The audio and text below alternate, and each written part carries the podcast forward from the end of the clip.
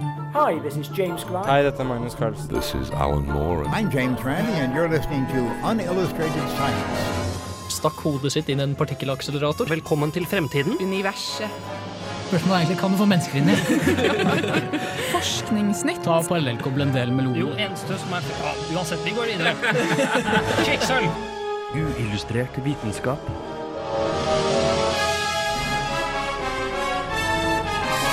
Science, it works, bitches. I dagens sending gir vi deg en leksjon i Cern for dummies. Vi prater om regnefeil, linser som kan zoome, og den fantastiske mantis-shrimpen. Ja, hei og velkommen til en ny sending av Uillustrert vitenskap. Mitt navn er som vanlig Hogne, og med meg i dag så har jeg Gaute. Hallo. Andreas. Hei, hei. Og Øyvind. Hallo!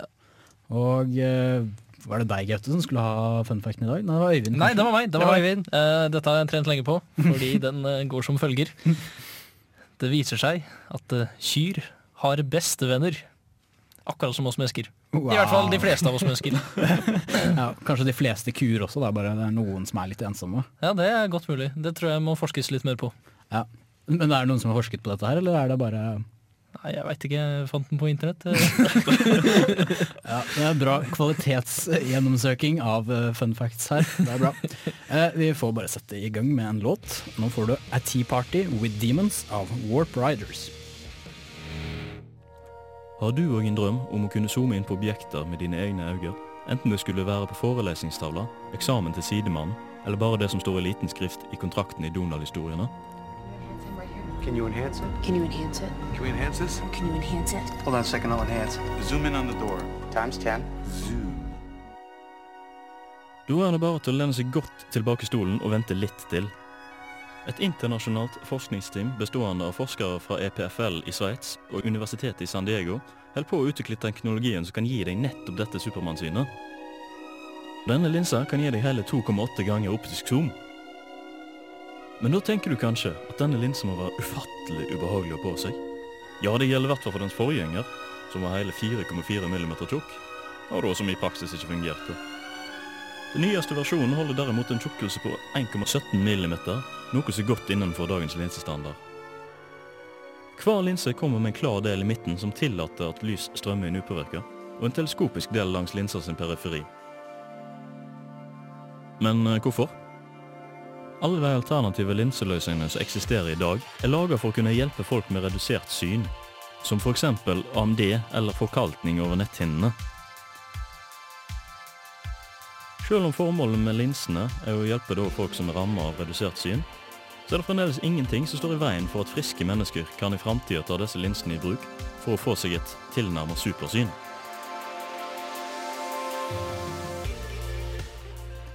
Ja, wow, det hørtes veldig spennende ut. Men, men eh, disse her linsene, kommer de bare til å Kommer du alltid til å måtte gå med sånn 2,80 i zoom, eller kan du på en måte zoome med linsen? Nei, der, der har du et eh, filter som gjør at det er enkelt å kunne bytte mellom eh, funksjonaliteten, sånn zoom og ikke zoom. Ja. Så akkurat, Meningen er at det skal være like enkelt som å ta på seg et sett med 3D-briller. Ja, det, det er i hvert fall bra det, da, sånn at du går og føler at alt er skikkelig nærme deg og bare kolliderer i alt mulig rart. Det er helt sant. Men eh, når er det jeg får mulighet til å bruke de her? Eller eventuelt kjøpe dem? da? Ja, eh, Det er jo det som er problemet. For nå så er de laga av et eh, produkt som ikke er så godt egnet for kommersielt bruk. De er laga av det gamle stoffet som de ukomfortable linsene før ble brukt til. Så det er da først når de blir laga av det samme stoffet, som er litt mer komfortabelt å ha på seg, at det blir, kommer til å bli en kommersiell suksess. Så det er, det er vanskelig å si. Ja, det, det er det. altså. Er, det er nok en, Ja, det en del sånn med de fleste kule produkter der ute, er det ikke? Men uh, du nevnte, ja gudene vet hva det var for noe, uh, kromatisk eh, ab aburasje. Kromatiske aberrasjoner, ja. ja. eh, Det er altså, hvis du har sett et bilde tatt med en dårlig kameralinse, så ser du ofte at det er blurry med gjerne fargeskjær i eh, kantene på objektene som er på bildene. Og det kommer av at uh, altså, de har ulike brenn, linsene har ulike brennvidde i forhold til hva brennvidden til bølgelengden av lyset. Og da vil du få en sånn blurry effekt. Og det er jo òg en problem med den linsene at de må kompensere for eh, akkurat dette her. Så de jobber med på en måte å få det optimalisert. Ja, for det er vel noe helt annerledes å zoome på en måte med linser og analogt syn, eller jeg vet ikke hva det heter, i hvert fall i forhold til digitalt syn, da, Ja. med sånne kameraer og sånne ting. Så hvordan, egentlig, hvordan får de det til? Eh, altså, linsene fungerer da ved at de bruker aluminiumsspeil, den zoomen da, som er ordnet i et mønster som reflekterer lyset fire ganger frem og tilbake, og så forstørrer det et bilde, altså det du synsfeltet ditt er, og så reflekterer det det bildet på uh, retinaen din. Mm. Sånn at du får det synet, eller bildet rett inn på hinnen. Oh. Kult. Uh, altså, du nevnte også noen uh, ulike øyeskader litt sånn, eh, og da nevnte du AAMD. Ja, Det er en fin forkortelse. Hva er det forkortelse for? Det er et veldig godt spørsmål, men jeg skal si deg hva det er. Ja, det, det hjelper mye. Det hjelper mye. Og det er altså, en sykdom som ofte rammer folk som er over 70 år, eh, som går ut på at eh, skarpsynet forsvinner og blir redusert. Så det er òg den hyppigste grunnen til at eh, le, altså, eldre mennesker får redusert leseevne. Uh, Periferisynet fungerer jo helt fint, uavhengig av eh, AMD-sykdommen. Det er bare sentrale delen av netthinnen som blir ramma. Ja. Eh, vi har veldig mye vi skal komme oss gjennom i dag. Eh, snart får du høre om noen fatale regnefeil som har ødelagt eh, ja, stor, gjort store skader. Men først får du Bangarang av OK Funny.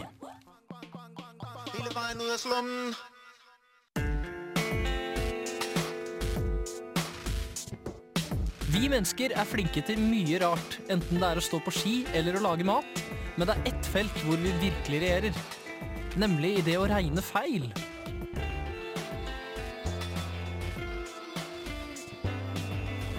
Overlegent store regnestykker er for hjernen vanskelig å holde styr på, og ofte må en kalkulator komme til unnsetning for å redde oss. Men om et slikt regnestykke skulle bli for mye også for kalkulatoren, hva gjør man da? Matematikk er i bruk overalt i verden. Både biler, fly, stekeovner og kjøleskap bruker det stadig vekk, og er avhengig av korrekte utregninger for å fungere riktig. Hvis de derimot skulle begynne å regne feil, kan det ende i fatale konsekvenser. Dette skjedde f.eks. en gang under Golfkrigen, da et amerikansk missil mislyktes i å skyte ned et annet innkommende missil fra irakiske styrker. Det hele skyldtes en enkel avrundingsfeil i datamaskinen som styrte det amerikanske missilet. Våpenet bruker nemlig antall tiendedeler fra det ble slått på i beregningene sine, men denne størrelsen ble definert som et 24-bits-tall. I binærkode er dette tallet for lite til å representere tiendedeler, og hver tiendedel endte opp med å vise ca. ett mikrosekund for lite. Dette førte videre til at området hvor missilet oppdaget innkommende raketter ble forskjøvet, og det irakiske missilet ble dermed ikke oppdaget i tide.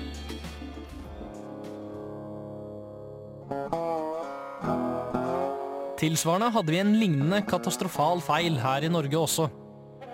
I 1991 sank nemlig oljeplattformen Sleipner i siste ledd av konstruksjonsfasen, etter å ha blitt senket ned 65 meter under havoverflaten. I ettertid kom man fram til at programmet som ble brukt til å modellere deler av plattformen, hadde tilnærmet de enkelte trykkreftene feil. Dermed ble det hydrostatiske trykket undervurdert med rundt 50 og mange av plattformens betongvegger var altfor tynne. Så det kan du tenke på neste gang du gyver løs på et stort regnestykke. Er du riktig uheldig, ender du kanskje opp med et missil i hodet eller en sunket oljeplattform.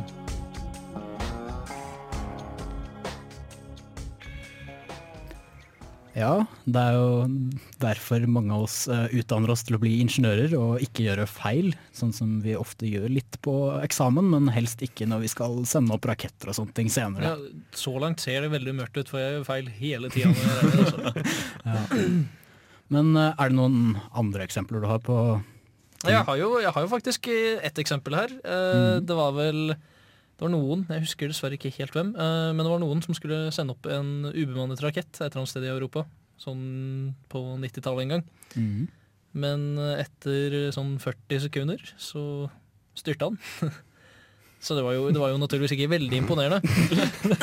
Men Nei, eh, feilen her kom jo av at det, den variabelen som holdt kontroll på rakettens horisontale fart, altså farten i forhold til utskytningsplattformen, Mhm. eh, den eh, ble representert med et eh, 64-bits-tall. eh, som videre ble, videre ble mm, konvertert til et eh, 16-bits-tall eh, for, for å bli brukt i andre utregninger. Mm. Men det var jo naturligvis ikke nok til å representere farten etter hvert som den ble ganske stor.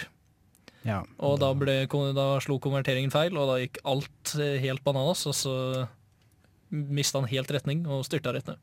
Ja. Nei, for du skal være rimelig nøyaktig når det handler om uh, rakettoppskytninger og sånne ting.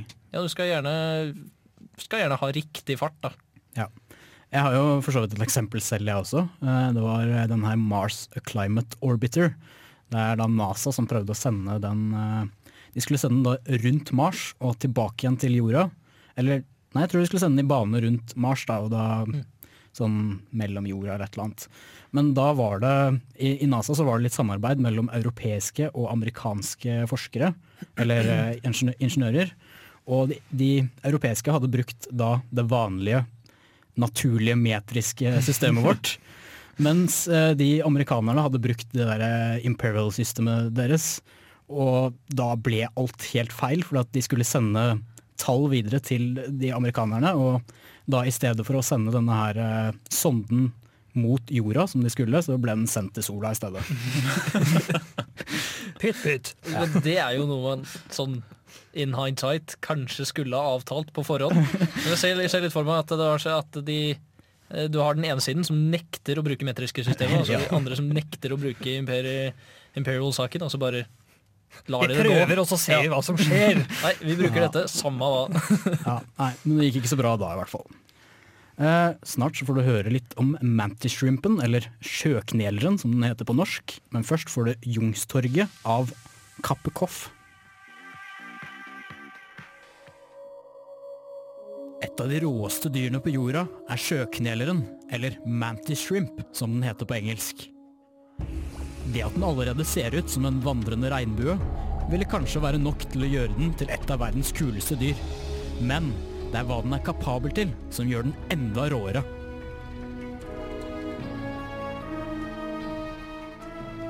For å begynne et sted har de verdens mest avanserte øyne. De to øynene deres kan bevege seg uavhengig av hverandre og fokusere på forskjellige steder. I tillegg har de trinokulært syn, noe som vil si at de kan se objekter med tre forskjellige deler av øyet. Dette gjør at de helt fint kan se dybde med bare ett av øynene sine, og kan fokusere på flere ting samtidig. Men det er antallet fargereseptorer som gjør synet til sjøknelleren så fantastisk. Vi mennesker har øyne som har tre fargereseptorer. Rød, grønn og blå.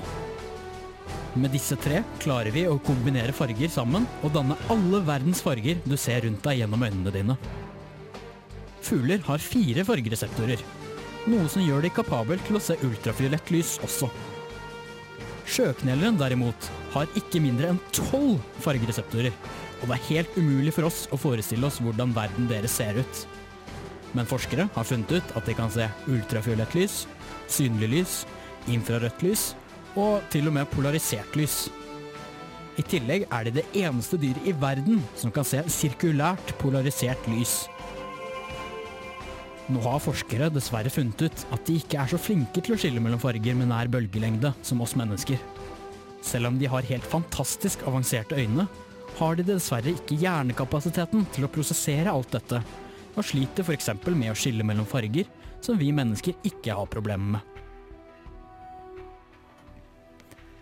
Ja, der fikk dere høre litt om eh, det fantastiske synet til sjøkneleren, eller mantis shrimpen. Og ja, den, den eh, har jo kanskje ikke så fantastisk syn, tenker vi da, fordi den klarer ikke å skille mellom så mange farger. Eksempel powder blue og teal blue klarer den ikke å skille mellom, mens det har mennesker ingen problemer med. da. Ja, De må kanskje få forklart hvilken farge som er hva. Eh, altså, for jeg har ikke hørt om noen av de to før. Jeg tror jeg, jeg tror jeg hadde klart å skille de to hvis jeg hadde fått presentert er, den ene er litt blå, og den andre er veldig blå. Det, en, enten, enten går du inn på Bohus og går inn og ser på disse farge, farge, fargepalettene, eller så kan du søke det på Google. Vel, det jeg tror Hogne prøver å komme fram til her, er at det er to veldig forskjellige blåfarger. Så bare stol på Hogne når han sier at det er lett å se forskjell på dem. Nei, uh, ok, Hvis vi skal si det på mer sånn vitenskapelig, så klarer ikke sjøknelere å se på farger med en, bølgelengde, ja, bølgele, med en bølgelengdeforskjell på 12-25 nanometer, mens vi mennesker kan se helt ned i mellom 1-5 nanometer. Da. Du så jo at de hadde utrolig mange fargereseptorer. Hva, altså, hva er poenget med det, og hva er bruksområdet? Ja, eh, for at Du skulle jo tro at de hadde et helt fantastisk syn, og det var jo det de trodde, før de testa og fant ut at ikke de klarte å se forskjell på to forskjellige blå Så utrolig skuffende. Men det de bruker det til, er å oppdage farger utrolig fort. Og de har også Ja, de har jo disse øynene som oppdager veldig mye rart, men de, de ser også Oppdager farger veldig fort og klarer å reagere veldig, veldig fort. Og det skal jeg også prate litt mer om etterpå, at de er også enda en verdensrekord da, eh, innenfor noe annet som de er også verdens raskeste til. Men hvordan fant de ut hvilke farger de kunne se og ikke se? Var det sånn at de tok dem inn på bohus, og så Er den rosa eller blå? Nei, nei, de hadde noen sånne eh, tester hvor de hadde, hvis de gjettet riktig, eller de hadde noen sånne beholdere eller noe sånt, og hvis de gjettet riktig, så fikk de mat. Hvis de gjettet feil, så fikk de ikke mat. Og det var da de kunne se at eh, dette her klarte de å skille mellom, dette klarte de ikke å skille mellom. Men de har jo et veldig fantastisk syn, for de fant jo ut at de kunne oppdage polarisert lys, og også da sirkulært polarisert lys. Ja, og hva er det? Eh, polarisert lys er da eh, bølger som går i samme retning. Vanligvis så går det i alle retninger når det er vanlig lys, men når de er polarisert så går det i én retning. Og vi kan ta på oss briller og oppdage i hvert fall at det er polarisert lys. Er det sånn eh, 3D Nei, ikke 3D, 3D men polarisert Ja, det vet jeg faktisk ikke hvordan det funker, men det er som polariseringsbriller eller hva det nå er. Ja, det er en liten Eh, digresjon uansett. Ja. Eh, men de trengte jo også da Men blekkspruter kan jo se polarisert lys, de også. Så for at de skal kunne kommunisere helt hemmelig, sånn at ingen andre dyr klarer å kommunisere, så bruker de sirkulært, eller sirkulære polariserte bølger. Og det er bølger som sirkulerer i samme vei, og ikke bare beveger seg i samme retning. Og dette kan de også lage med, ja, på en eller annen måte, og kommunisere. Og da har de et helt hemmelig språk som ja, selv ikke noen type, ikke alle man, typer mantis shrimper skjønner dette her engang, så de har et veldig veldig hemmelig kommunikasjonsmåte. Hm. Badass. Ja. Jeg har veldig lyst til å skyte inn en, en fact til om øynene til mantis shrimp, eller mantis shrimp larve. For når den er liten og, og helt hjelpeløs, eh, i motsetning til det du skal få høre om senere, eh, hun utvikler noen ganske kule egenskaper etter hvert, men når den er liten i hvert fall, så er det, mens den da flyter rundt i det store hav, så er det, det å være usynlig, eller lite synlig, er liksom hovedforsvarsmekanismen. Um, og, og det man har funnet ut, er at øynene de er eh, altså Vanligvis er det øynene som er vanskelig å få til å være usynlige, men hos mantis shrimpen så ser de usynlige ut fordi at de kun reflekterer det lyset som bakgrunnen har. Mm. Så den får samme blåfarge og grønnfarge som bakgrunnen. Ja, de, de ser i hvert fall helt fantastiske ut også, så Ja. de ser veldig kule ut. Eh, men eh, nå skal dere snart få høre enda litt mer om mantis shrimpen, men først får du Kelly av, av Amazon.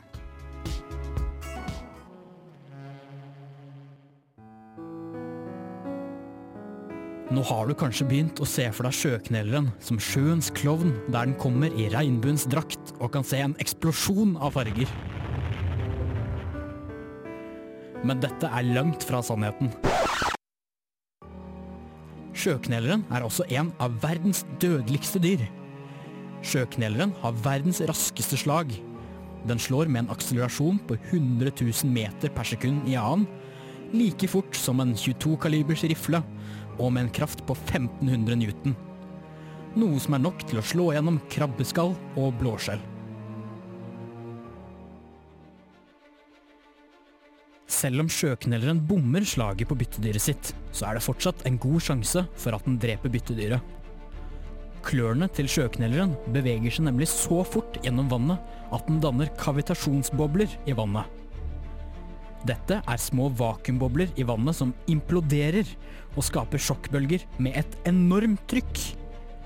Disse trykkbølgene skaper en temperatur på flere tusen grader, koker vannet rundt og danner små lysglimt i en prosess som heter sonoluminescens.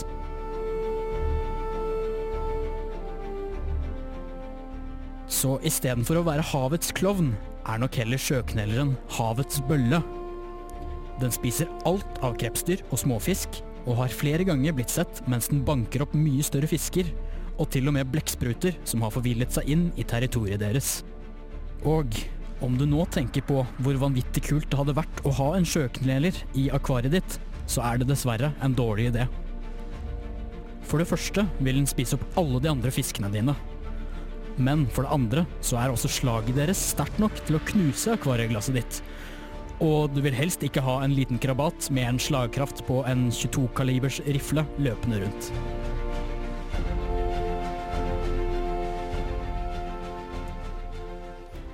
Ja, så i tillegg til å se ganske bra, så er den også ganske dødelig. Vil jeg si, i hvert fall når den klarer å slå like hardt som en 22-kalibers rifle. Ja, det er ganske imponerende. Eh, har man klart å bruke noen av disse kule egenskapene til denne sjøkneleren i vitenskap og forskning og sånn? Lage noe ut av det, eller? Uh, ja, for eksempel så klarer vi nå å se sirkulært polar polar polarisert lys, men det er jo 400 millioner år etter at de klarte det. Men uh, også dette her med de stoffene de har i klørne, har vi jo funnet ut at de kan vi jo bruke til å beskytte oss med. For de må jo være vanvittig sterke for, for at ikke de skal gå i stykker når de slår. Så det er blitt brukt litt i hæren og litt diverse steder der. Hvordan er de klarer å generere såpass mye kraft i slaget?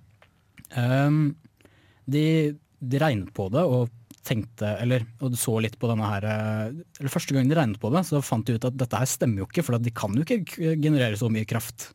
Men så har de sett litt mer på dette her, at eh, de har noen muskler som funker som fjær. Som er allerede vanvittig sterke muskler, men det er liksom en fjær som går av. Og da får de en helt vanvittig kraft, da. Eh, noe mer enn det kan jeg ikke forklare sånn veldig tydelig hva det er. Eh, Du brukte noen fancy ord inni her også. Sonoluminescens. Ja. Eh, Det er disse her vakuumboblene som imploderer. Det er det motsatte av å eksplodere, da går det utover. Men hvis det imploderer, så betyr det jo at det går innover. Det er jo vakuum, og det er rundt så er det ikke vakuum, og da vil vannet trekke seg utrolig fort mot vakuumet. Mhm. Og danne en implosjon, og dette her emitterer også lys. Da. Det er derfor det er luminescens, det gir fra seg lys. Og det er også en, et utrolig, en utrolig sjokkbølge da, som kan drepe små fisk osv. Og de har kalt denne her for shrimpoluminescens, fordi at det er eh, når det er disse som lager denne her luminesensen. Da. Og det er også 10 000 eh, ja, force of eh, Newton, sånn G, da, de bruker når de lager disse her, eh, når de bruker det slaget og lager disse her gravitasjonsbølgene. Eh, Så må jeg for så vidt si at eh, denne er det jo skrevet ganske mye om på nettet, og det er spesielt eh, The Oatmeal som har skrevet om eh, denne her mantis shrimpen. Eh, han er ikke helt nøyaktig med alt, men hvis dere har lyst til å skrive, lese en veldig veldig morsom tekst om uh, mantis shrimpen, så kan dere gå inn på The Oatmeal. Og så får dere bare kryssjekke med det jeg har sagt nå, for at han har noen faktafeil noen steder der. Men hva med kavitasjon?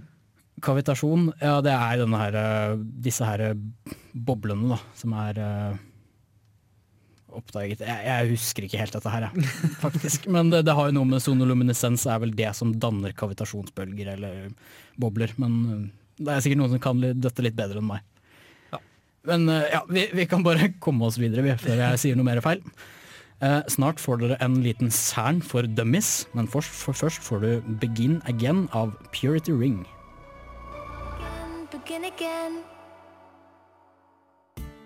Hva er egentlig CERN og LHC? Det trenger du ikke å lure på lenger, for nå kommer det et lite krasjkurs. CERN står for European Council for Nuclear Research og er ledende innen forskning på partikkelfysikk. Laboratoriet ligger like utenfor Genéve, der de forsøker å finne svaret på noen av de mest grunnleggende spørsmålene i verden, som hva er universet laget av? Og hvordan begynte egentlig universet? For å finne svar på disse spørsmålene bruker de noen av verdens største vitenskapelige instrumenter til å sende partikler i opp mot lyshastighet, og så studere hva som skjer når de krasjer. Instrumentene de bruker, kan deles opp i to. Det er detektorer, som tar bilder av partiklene når de krasjer, og partikkelakseleratorer, som akselererer partiklene opp i den ønskede hastigheten. Den største og mest kjente partikkelakseleratoren er Large Hadron Collider, forkortet til LHC. LHC er en ring på 27 km som kan sette fart på to stråler av partikler som sendes i vakuum i motsatte retninger gjennom separate rør. For å holde partikkelstrålene på plass når de sendes rundt i sirkel, brukes det kraftige elektromagneter. 1232 magneter sørger for at partiklene svinger riktig, og 392 magneter fokuserer strålen. Elektromagnetene trenger mye strøm, 12 000 ampere, for å skape magnetfeltene som styrer partikkelstrålene. For å få til dette må kablene som brukes være superledere, vil si at de ikke taper energi når strøm går gjennom dem, fordi de har tilnærmet null motstand. For at et stoff skal være i superledertilstand, kreves det ekstremt lave temperaturer, og i LHC brukes det temperaturer helt nede i 1,9 kelvin, altså rundt minus 271 grader celsius. LHC har vært nede for oppussing og oppgradering i to år, men det er planlagt å starte den opp igjen nå i 2015. Det blir spennende å se hvilke nye oppdagelser som kan komme fra Cern. Ja, vi skal i hvert fall definitivt eh, holde dere oppdatert hvis eh, det finnes ja, Hvis vi oppdager noe veldig stort ved Cern. Absolutt. Eh, og den skulle egentlig hatt en annen forkortelse enn Cern, skulle den ikke det? Ja, eller altså Det er jo en forkortelse for European Council for Nuclear Research, som ikke kommer i den rekkefølgen på fransk. eh, ja, og franskmenn er jo litt sære sånn. Så, så det er rett og slett bare fordi at det franske ordet, eh, eller franske navnet for Cern, bruker ordene i en annen rekkefølge, og derfor så er det Cern. Ja. Det er jo lettere å si Cern enn Eknur. Det er sant. Det klinger litt bedre. Det klinger ja. Det er bra det, da, i hvert fall. Mm.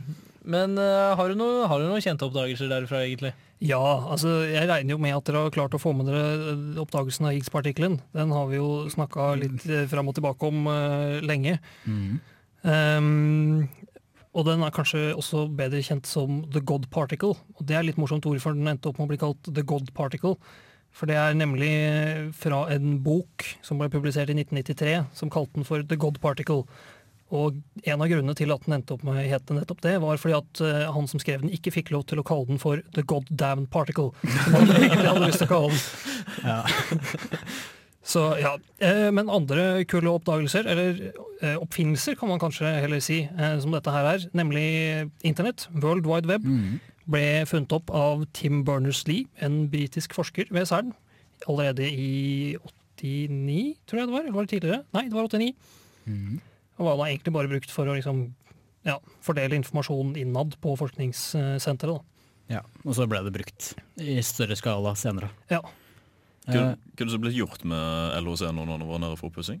Eh, Det viktigste som er gjort, er at den er, eh, at den er pussa opp og oppgradert for å kunne holde, eller bruke høyere energi i eksperimentene. Da. Fra åtte, som var det den hadde når den gikk ned, Åtte hva da? åtte terra elektronvolt, eh, og nå opp da til 13 terra elektronvolt. Men den har en makskapasitet på 14. Og Grunnen til at de ikke setter i gang på 14, er fordi at de er nødt til å trene opp disse magnetene som, eh, som styrer alle strålene. Ja. Men de- hva vil egentlig si at den har 14 teraelektronvolt? Hvor stor størrelsesskala er dette her? Altså, for å sammenligne med noe som alle kjenner til, eh, så tilsvarer det ca. like mye energi som 14 flyvende mygg.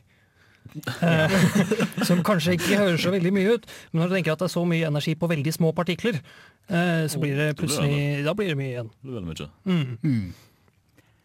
Eh, og hva er det de egentlig håper på å finne nå, nå som de har oppgradert CERN? Eh, Det er fire punkter som jeg har lyst til å nevne nå. Eh, Det ene er supersymmetriske partnere. eh, For det er masse sånne supersymmetriteorier som er ute og går, som man ikke egentlig har klart å si ja eller nei, som baserer seg på at hvert partikkel har en partner. Da. Og vi, hvor vi ikke har klart å finne noen av disse partnerne enda. Men det kan hende vi finner ut av med høyere energi i eksperimentet. Det kan hende vi finner flere Higgs-partikler. Det har vi jo snakka om masse i en reportasje vi hadde i høst. Ja. Um, og så kan det hende at vi finner ut mer informasjon om mørk materie. som uh, utgjør 25 av uh, all masse og energi i universet. Og det eneste vi egentlig vet, er at den er der og påvirker tyngdekraft, men vi vet ikke noe annet, for den er usynlig. Ja. Og den er ikke Eller det er jo spørsmål om hva, hvilke, hva er egentlig mørk materie. Da. Ja. Det kunne vært mye rart, men de har utelukka ganske mye. Ja, så det man tror at man kan gjøre, er å indirekte finne, da.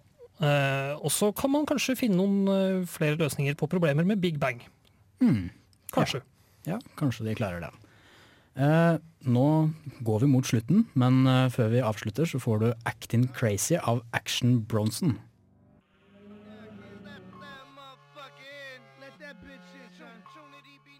Science isn't about why, it's about why not. Why is so much of our science dangerous? Why not marry safe science if you love it so much? Ja, da var vi kommet til uh, avslutningen vår. Veis ende heter det. Mm. Uh, ja, jeg kan vel bare si hvem som har vært med i programmet og litt sånne ting. Uh, følg oss på Facebook og alle de der tingene som dere har hørt mange ganger før. Ja. Eh, vi har hatt en fantastisk tekniker, Fredrik. Eh, mitt navn har vært Hogne. Eh, I dag har jeg hatt med meg Øyvind, Yes, yes. Andreas Ha det bra. og Gaute. Ha det bra. Vi ses neste uke.